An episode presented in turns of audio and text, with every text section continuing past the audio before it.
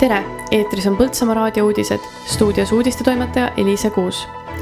Põltsamaa raamatukogus on avatud uus näitus. algas rahva ja eluruumide loenduse veebiküsitlus. märtsis külastab Põltsamaad meestearsti kabinet. nukker kukeke sai kakskümmend.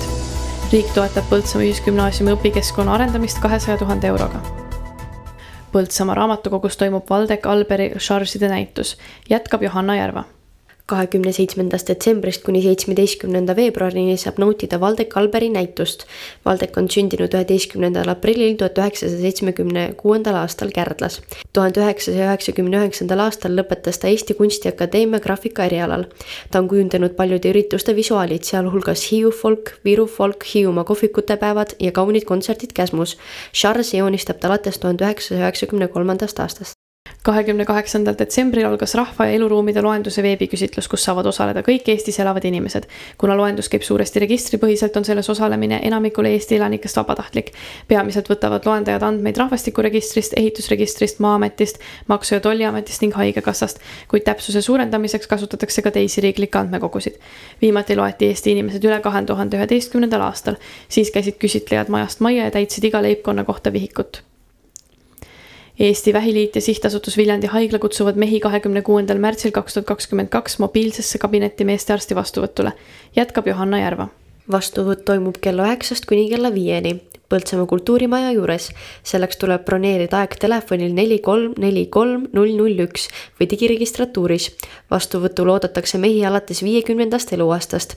mobiilse meestearsti kabineti eesmärk on üles leida mehi, kes nii kergesti ei ole veel eriarsti vastuvõtule pääsenud räägib uroloog Daisy Sepp. selleks, et nautida oma elu koos oma lähedastega ja saavutada eesmärke, mis keegi soovib, siis äh, varakult avastatud probleemidega on alati võimalik midagi teha.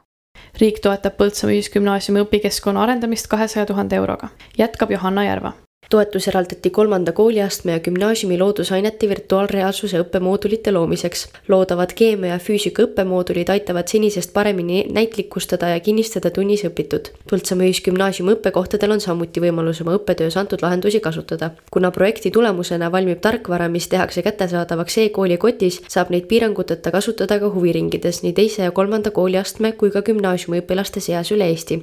loodavad VR moodulid võimaldavad mõtestada silmale nähtamatuid protsesse kohe õppeprotsessi alguses. tarkvara annab õpilase valikutele probleemi lahendamisel ja otsuste langetamisel vahetut tagasisidet ning näitab õpilastele tema otsuste mõju. Põltsamaalt pärit ansambel Nukker Kukeke tähistab see aasta oma kahekümnendat juubelit. viieteistkümnendal jaanuaril toimub Põltsamaa kultuurikeskuses suur juubelikontsert. ansambel sai kokku kakskümmend aastat tagasi vana-aasta õhtul Tartus ühe köögilaua taga. Nukker Kukeke esituses saab kuulda lähema ja kaugema mineviku parimatest tantsulugudest ja seda kõike nende omas võtmes. piletite eelmüük algab varsti, räägib ansambli liige Risto Lehiste. tänapäeval üleüldse on sellist nii-öelda puhast, puhast äh peorõõmu ja tantsurõõmu võib-olla väheseks jäänud või vähemaks jäänud. et, et selle tõttu oleks, oleks selline pidu Põltsamaal päris vahva. emotsioonid on kahtlemata väga, väga võimsad. et see on ju ikkagi kakskümmend aastat on kakskümmend aastat ja eks sellega ole üle elatud nii oma tudengipõli kui ka, kui ka tööinimese põli, pereinimese põli. eetris olid Põltsamaa raadio uudised